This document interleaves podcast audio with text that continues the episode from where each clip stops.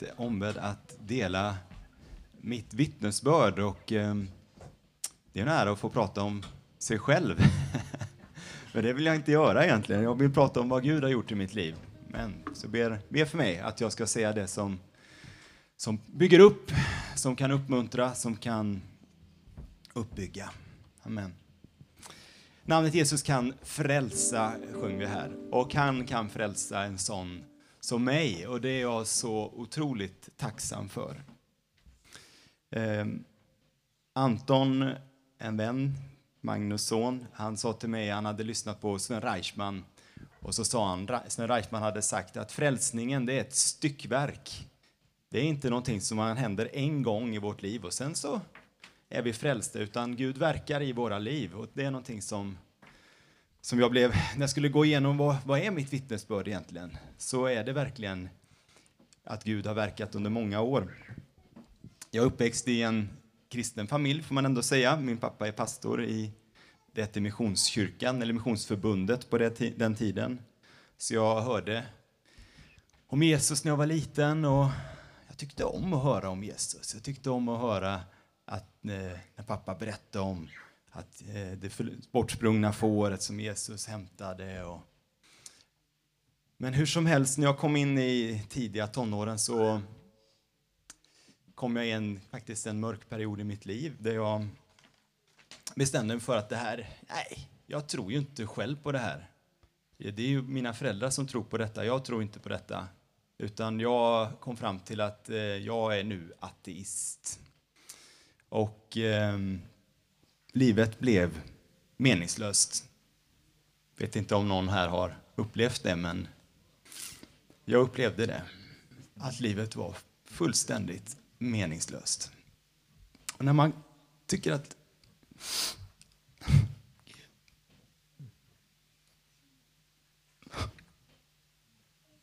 Förlåt. Förlåt mig. Förlåt mig. Och när man upplever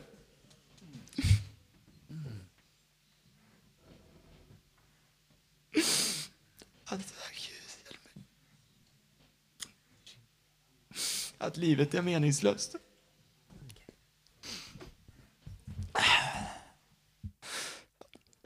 Då vill man inte leva. Jag har aldrig Jag har aldrig försökt ta mitt liv, men jag har upplevt mörker. Mm. Hur som helst så är Gud god och allt börjar hos Gud. I Bibeln står det att vi kan aldrig, ingen kan komma till mig, säger Jesus, som inte Fadern drar honom och Gud drog i mig. Tack och lov. Jag kan inte säga att jag sökte Gud. Faktiskt, jag gjorde inte det. Men jag var på ett läger ändå med, som kyrkan anordnade och det var ett nyårsläger. Jag var 14 år, skulle fylla 15. Och eh, vi satt på, på nyår och hade, då hade vi någon slags, en bönestund över nyårsslaget. Eh, så jag bad inte ens, jag satt bara och tittade. Jag, satt, jag var inte särskilt engagerad. Men då hände någonting som behöver hända i, jag tror i alla våra liv. Och det var att jag fick ett gudsmöte. Jag kan inte förklara det på ett annat sätt. Allt blev ljust. Och jag visste att Gud fanns. Det var det som jag tvivlade på innan. Finns verkligen Gud? Men jag visste att Gud fanns. Allt blev ljust och jag fick, jag visste att Gud fanns och jag visste, jag hade hört om Gud. Jag visste att han var kärlek, jag visste att Jesus hade dött för mina synder. Så för, det var inget, det var inte ett problem på det sättet. Men problemet var att jag inte trodde på det. Men då fick jag tro. Jag fick tro. Jag fick uppleva nåden.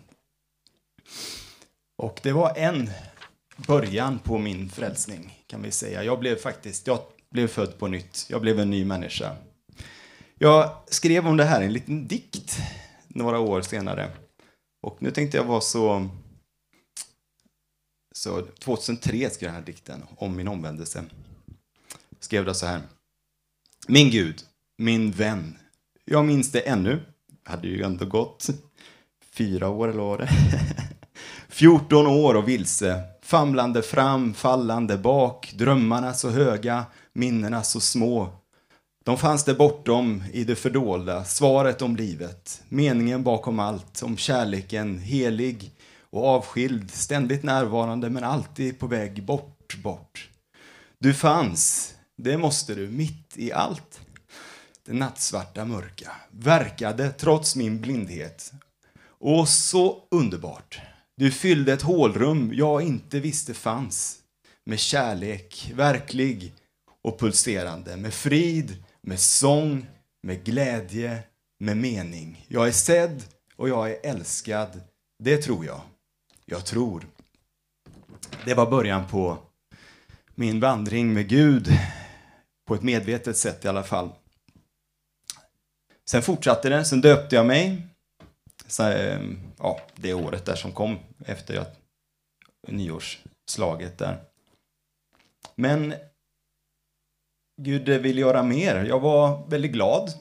Men jag hade kompisar som tyckte jag var för glad. De sa Jonas, du, eh, vi tyckte faktiskt bättre om dig innan du blev frälst. för att jag var, inte, jag var glad, men jag var inte särskilt eh, helgad om man säger så. Jag blev... Eh, så Gud behöver göra mer verk. När jag var, mm, måste varit 16 då, då var jag på en predikan, eh, var jag lyssnade på en predikan på Hönökonferensen. Och den predikanten, han predikade från eh, pingstdagen i Apostlagärningarna 2 och hans tema var omvändelse.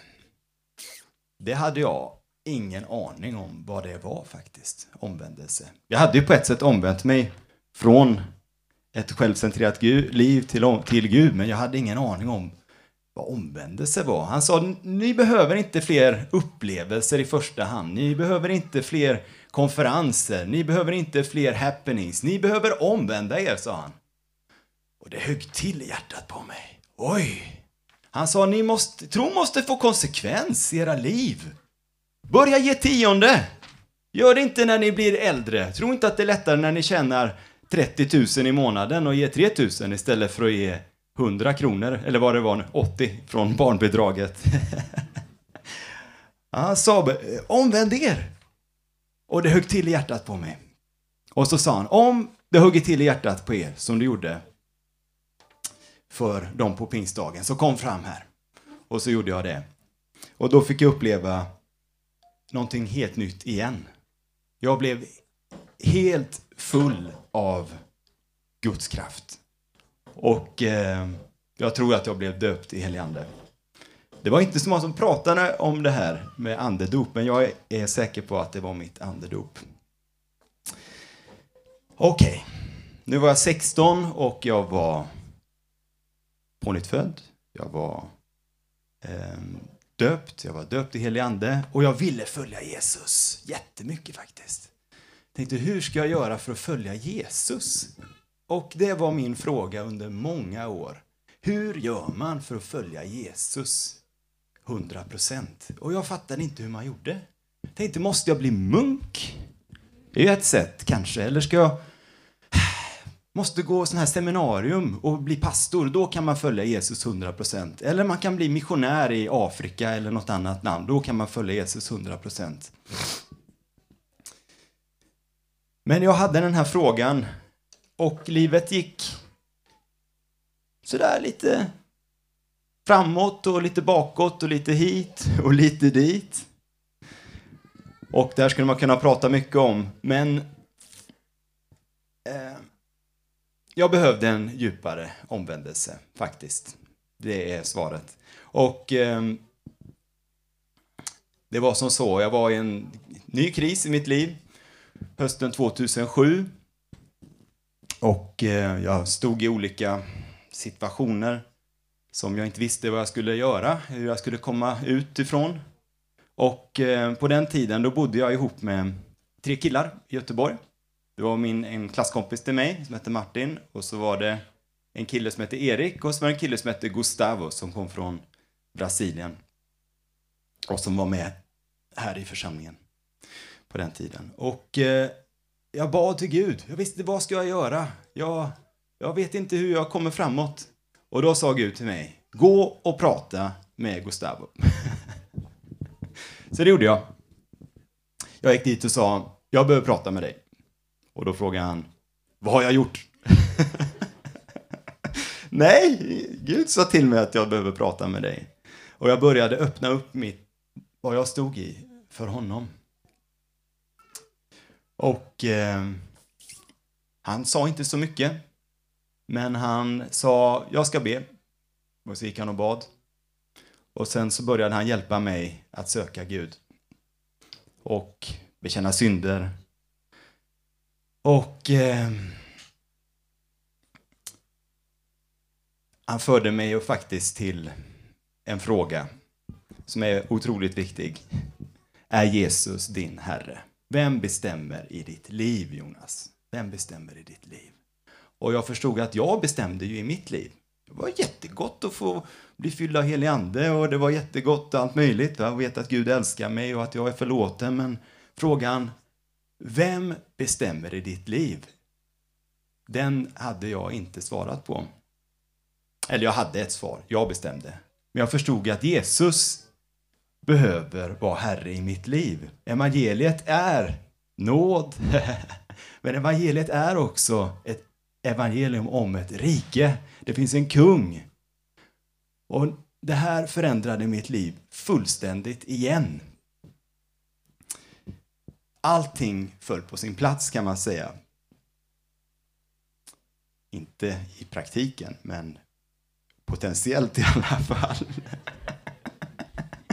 Amen. Jesus är svaret på alla våra problem. Amen. Så helt plötsligt, ja men om Jesus vill detta, då måste jag göra detta. Och så blev det på fråga efter fråga efter fråga. Amen. Och det här gjorde han genom en person. Jag tänkte på Paulus och eh, Paulus omvändelse. Jesus säger till honom, gå in till staden. Där kommer de berätta för dig vad du ska göra. Jesus riktade Paulus direkt till en person, till, till Ananias. Han vill använda oss, han vill använda sin kropp. Och det var det, den pusselbit som saknades i mitt liv. Jag var inte omvänd till kroppen och jag var faktiskt inte omvänd till huvudet heller, till hans auktoritet, till hans, till hans rike. Och så det här är mitt vittnesbörd. Jesus, han är underbar. Han är vår frälsare. Och han är den som döper i den helige Ande och han är också vår Herre. Och en fråga blev till mig, jag tänkte, ja, om du med din mun bekänner att Jesus är Herre och ditt hjärta tror att Gud har uppväckt honom från den döda, då är du frälst.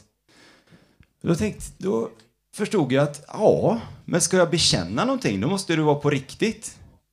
Om, om, om jag säger Jesus är min Herre och han inte är min Herre, det är inte han som bestämmer, då är det ju inte riktigt en bekännelse, eller hur? Så det här behöver vi göra. Vi behöver omvända oss till Gud, till Jesus som frälsare. Vi behöver omvända oss till Jesus som Herre. Amen. Det är mitt vittnesbörd.